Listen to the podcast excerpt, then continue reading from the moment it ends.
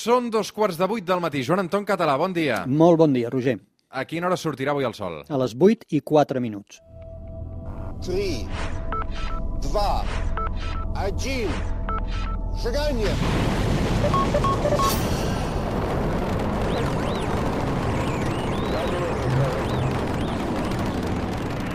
One small step for man,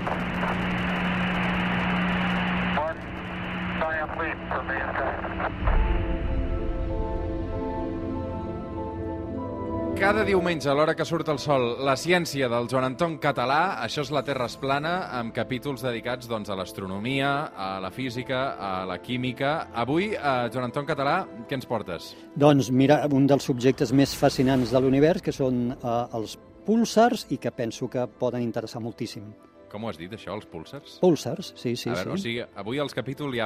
O sigui, serà d'aquests de, de nivell, nivell alt, no? Bueno, és de prendre una mica de nota, però de notes vull dir, però com que no hi ha examen al final, el, Sí. pues que mira, agafes la idea global i escolta'm, ja està. Molt bé. Avui amb el Joan Anton Català, un capítol de la Terra es plana dedicat a objectes còsmics molt misteriosos que hem anomenat els fars de l'univers. Això que ara ell vaticinava com els púlsars.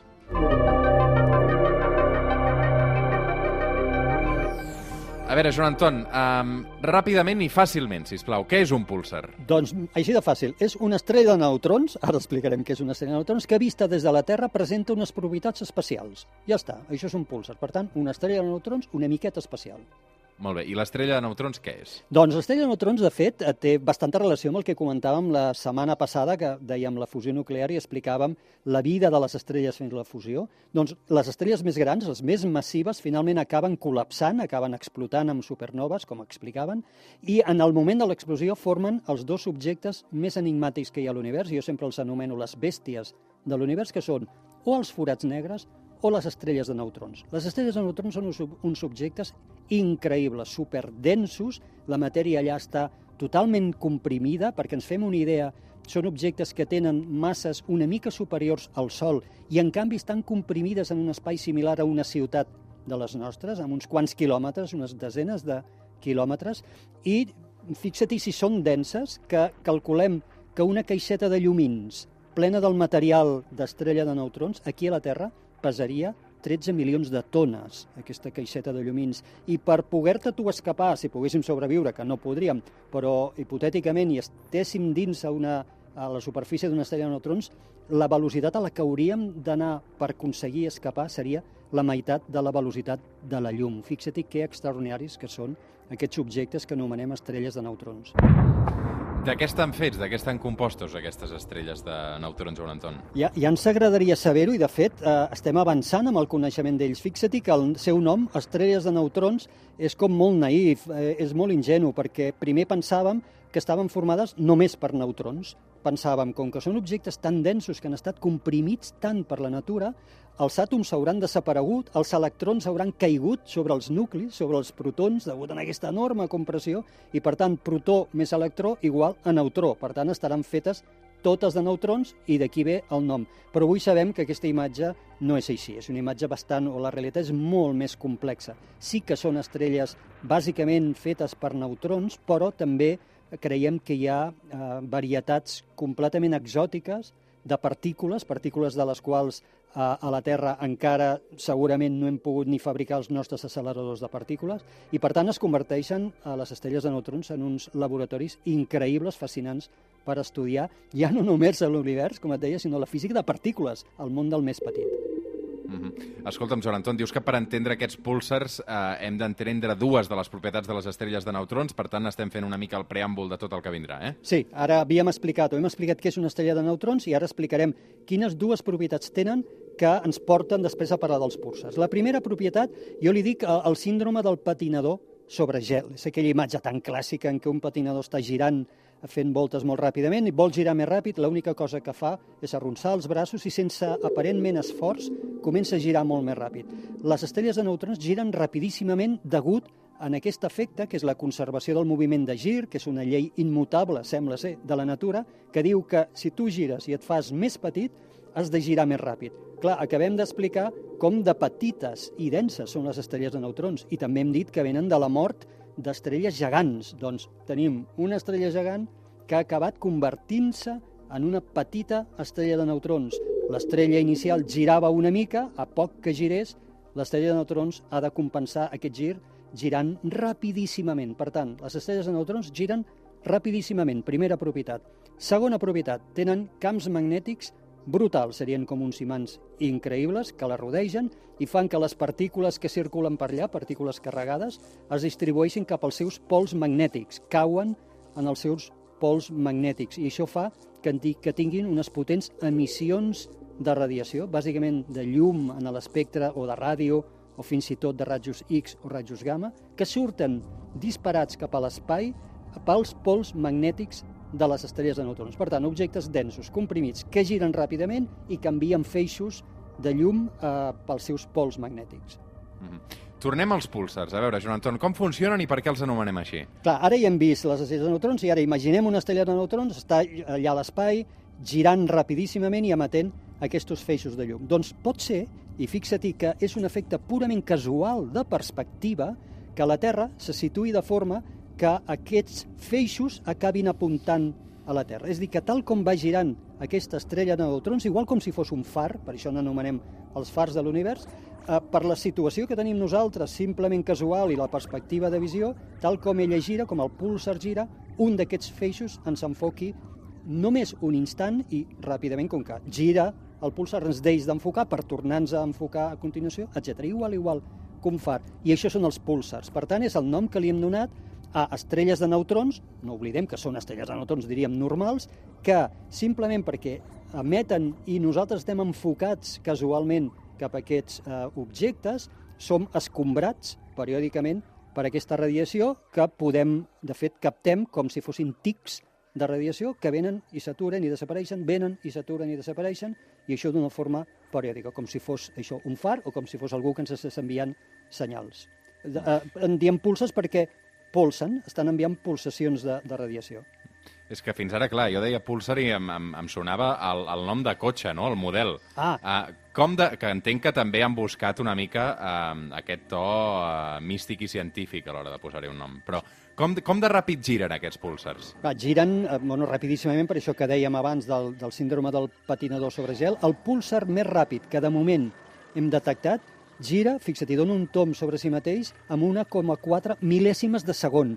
Això és increïble, perquè t'has de pensar que és un objecte de, imagina't, 20 o 25 quilòmetres amb la massa superior al Sol, girant tot ell a 1,4 mil·lèsimes de segon. És una, és una passada. Vull dir, són objectes absolutament fascinants. Qui els va descobrir?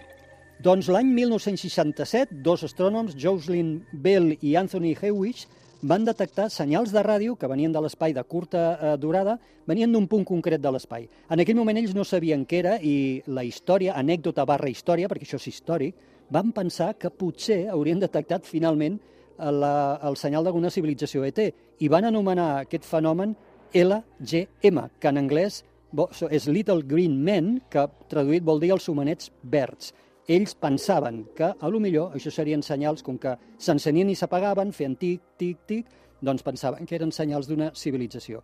Fixa-t'hi com va ser la cosa, que van tenir por, fins i tot, d'anunciar el descobriment per ser objecte de mofa i de burla per part de la comunitat científica i es dona també l'anècdota, però real, que fins i tot un dels científics que participava en el descobriment va dir així mig en sèrio, mig en broma, escolta'm, per què no cremem tot aquest estudi, per què no esborrem completament això i comencem de nou, per aquesta por a fer el ridícul. Però a poc a poc em van anar descobrint més, em van donar compte de que no era a l'únic lloc de l'espai on es podia detectar aquest mateix fenomen i finalment se'n van, van deduir que havia de ser un fenomen natural, no podia ser que això fossin senyals de test venint de tot arreu. T'haig de dir que el Premi Nobel de Física del 1974 es va atorgar a Hewish, que és un dels dos descobridors que t'he dit, però aquí no hi ha la Jocelyn Bell, que és la noia que també va descobrir. I resulta que aquí la raó, així diríem, oficial, és que en aquell moment la Bell encara eh, era una estudiant de doctorat, però hi ha hagut moltes crítiques, això ha donat peu a molta controvèrsia, no et pots imaginar per què Jocelyn Bell no va rebre també el Nobel de Física del 74 mm, va influenciar que fos dona, i aquí queda el gran interrogant que sempre estem eh, discutint en aquest tipus de descobriments.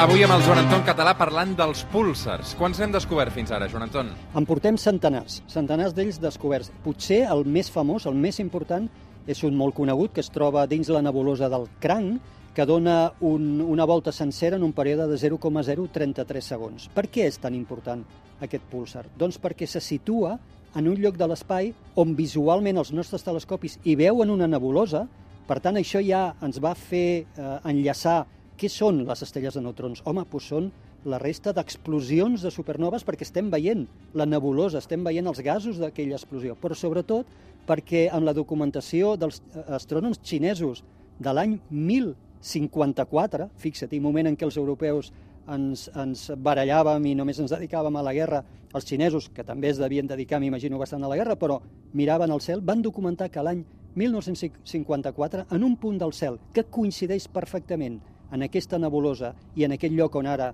estem detectant un púlsar, els hi apareixia una estrella nova, una estrella que abans no hi eren. Ells van veure l'explosió de la supernova, que lògicament no sabien què era. Fixa-t'hi, això és la importància d'aquest púlsar. Ens ha permès lligar perfectament un púlsar, és una estrella de neutrons, i això és la resta, el que queda de l'explosió d'una supernova, que en aquest cas va passar a l'any 1054. Escolta'm, els has anomenat els fars de l'univers, Joan Anton, eh, però dius que són també els rellotges de l'univers, no? Els púlsars. Per què?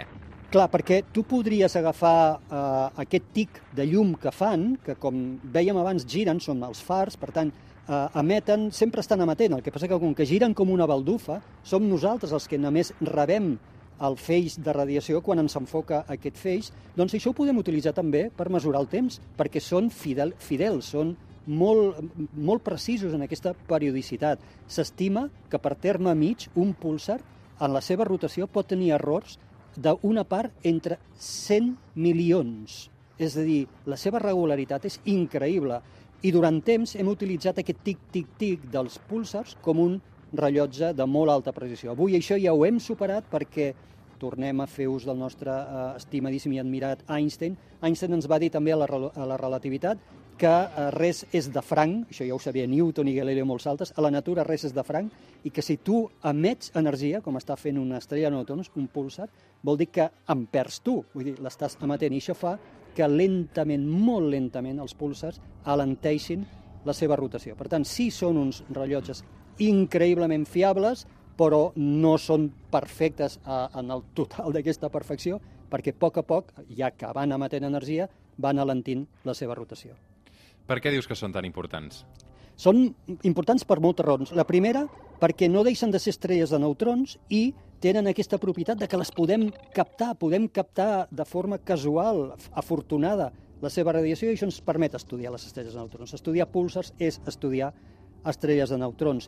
Després, perquè les diminutes variacions que tenen a la seva rotació, això que dèiem ara, aquestes petites eh, diferències de temps, ens permeten entendre fenòmens que són molt rars en l'univers. De fet, són laboratoris extrems de la física.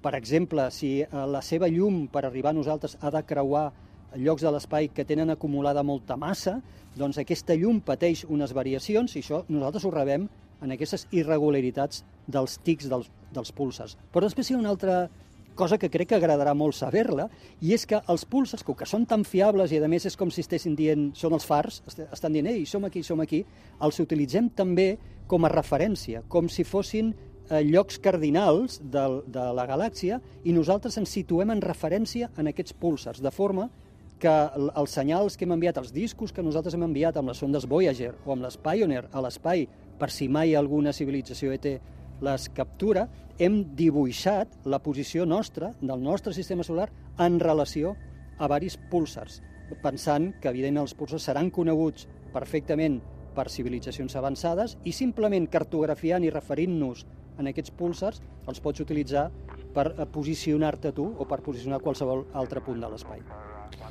Poden tenir planetes, aquests púlsars, Joan Anton? Primer pensàvem que no, aplicant una lògica dient, home, si venen una explosió d'una supernova, aquestes explosions són increïbles, sí que segurament, o segur, hi hauria planetes abans, quan això era una estrella, però en el moment en què l'estrella explota en forma de supernova, segurament elimina, aniquila els seus planetes, però ves per on que la natura sempre ens acaba eh, sorprenent, i l'any 1992 dos astrònoms anuncien la detecció de dos planetes al voltant d'un eh, d'un pulsar, i això ho detecten per les petites irregularitats que dèiem amb el seu tic-tac. Uh, aquest descobriment, de fet, és el primer cop que es descobreixen planetes. El que passa que, com que era al voltant d'un púlsar, ja no d'una estrella, s'atribueix el descobriment del primer exoplaneta al voltant d'estrella a dos altres eh, científics a l'any 1995, tres anys després. Però fixa't, ja des del 92 sabem que sí, que els púlsars eh, poden tenir planetes. I avui en coneixem cinc confirmats, en els que, això, ja tenim confirmació, en què eh, sobreviuen, no sabem exactament com i en quines condicions, planetes que anteriorment voltaven a l'estrella i que encara sobreviuen voltant al, al pulsar.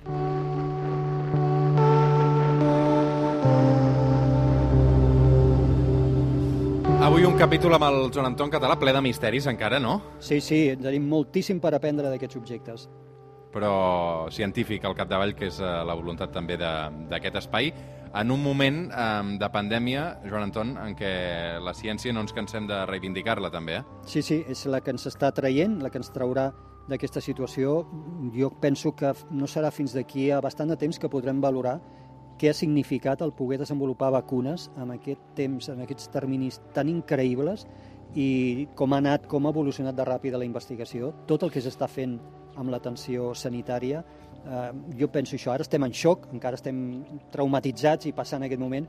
Quan ho puguem valorar en perspectiva serà quan ens adonarem compte de les gran esforç i avenç que s'ha fet no només han anat ràpid trobant la vacuna, sinó en vacunar, no?, també, perquè amb nou mesos, des de l'esclat de tot plegat, eh, pràcticament, sí. es va començar a vacunar, no? Jo, jo tenia dubtes d'aquest punt, de fet en tenia moltes, i pensava, bueno, primera tenia dubtes sobre un tema d'equitat, d'equitat, no?, és dir, de, eh, i a quin ritme ho farem i en quins països, és dir, això serà només la vacuna per a alguns països? Malauradament, com sempre, la resposta és sí, però dintre d'aquests països, per entendre'ns que anem en bloc, els europeus, doncs eh, més o menys tots aproximadament anem al mateix ritme i sí que és veritat que s'està fent a una velocitat bastant més alta de la que jo pensava que es faria inicialment. I mm -hmm. t'haig de dir que en aquest moment, sense, eh, i s'han vacunat ja milions de persones, desenes de milions de persones al món, sense la detecció de casos eh, clars, no?, d'efectes de, secundaris greus. O sigui que hi ha efectes secundaris temporals, eh, a vegades febre, mals de caps, la reacció típica a una vacuna, però El encara dolor, és hora, sí. sí, Mm. encara és hora que hem de, de detectar alguna cosa allò greu, greu, que sapiguem que està directament relacionada amb la vacuna. Mhm. Sigui com sigui, eh, Joan Anton, a l'any 2021 tu eh, entens també aquests alts percentatges? Jo crec que també a mesura que s'ha començat a vacunar i han passat les setmanes i els mesos, i precisament això que comentes, no? que no hi ha casos adversos greus, eh, doncs potser els escèptics amb la vacuna han anat eh, creixent, però en qualsevol cas el percentatge és molt alt, no? Sí. Um, vull dir que la ciència, eh, tot i així, no ho pot tot, no? No, tenim un enemic, que aquest enemic es diu manca d'esperit crític. Uh, ens hem d'acostumar a no creure'ns la primera cosa que ens diuen i a buscar altres fonts d'informació i a partir d'aquí fent a nosaltres el nostre criteri. I aquí ha fet molt mal aquesta capacitat fàcil, facilona, no? que tenim d'accedir a qualsevol tipus d'informació sense cap mena de filtre eh, i per tant que si mm, la Terra és plana, per exemple, que si no hem anat mai a la Lluna, que si la neu és plàstic, que si la vacuna eh, porta microchips i ens estan intentant manipular. Clar, les teories de la conspiració han crescut amb tot aquest caldo de cultiu que és jo llenço una informació que no està ni contrastada científicament ni té cap recolzament al darrere, però escolta'm, algú se la creurà i això anirà fent bola. L'esperit crític és importantíssim i això és el que hem d'educar i estem educant afortunadament a les escoles i a les famílies al nostre jovent, que és no, ens hem de creure la primera cosa que ens expliquen, apliquem sentit comú i sentit crític, mirem, busquem, escoltem altres coses i després nosaltres mateixos ens composarem la nostra idea, la nostra imatge del que és allò. Joan Anton Català, per tancar, fem un cop d'ull al cel. Què hi passarà aquesta setmana? Ja pràcticament ens han abandonat eh, quasi tots els planetes, Júpiter i Saturn ja no els veiem, Mercuri ara està ja perdut en l'horitzó sud-oest, sempre ens quedarà, no sempre, és la frase, ens queda Mart, que encara va minvant, però encara el tenim al cel durant la primera part del vespre, i recordem que en molt poquet, el 18 de febrer, hi aterrarà, si tot va bé, creuem els dits, el robot de la NASA Perseverance i durant eh, el mes, començaments del mes de febrer també hi arriben el robot xinès i el satèl·lit dels Emirats Àrabs. Per tant, no només podem veure Mart, sinó que Mart ens donarà notícies segur durant les properes setmanes. Joan Anton Català, un plaer, com sempre, sentir-te cada diumenge uh, en aquest programa. Uh, la setmana que ve, si plau, baixem una mica... Fem-ho fem fàcil, eh? Fem-ho fàcil perquè portem dos capítols que, déu nhi Arribo a l'informatiu fregit amb el cervell. No ja, et preocupis, no et preocupis, Roger, que ho, ho, ho farem una mica més senzill, però estic segur, estic segur que aquest programa el podries fer tu perfectament. No, home, no. El que passa és que sí que és veritat que després de dos anys n'hem pres una mica ja de ciència. Segur, però, per això t'ho deia, però, per això t'ho deia. Però sort en tenim d'escoltar-te cada diumenge i així per molt de temps. Gràcies, Joan Anton, cuida't. Gràcies a tu, igualment. Ara tornem.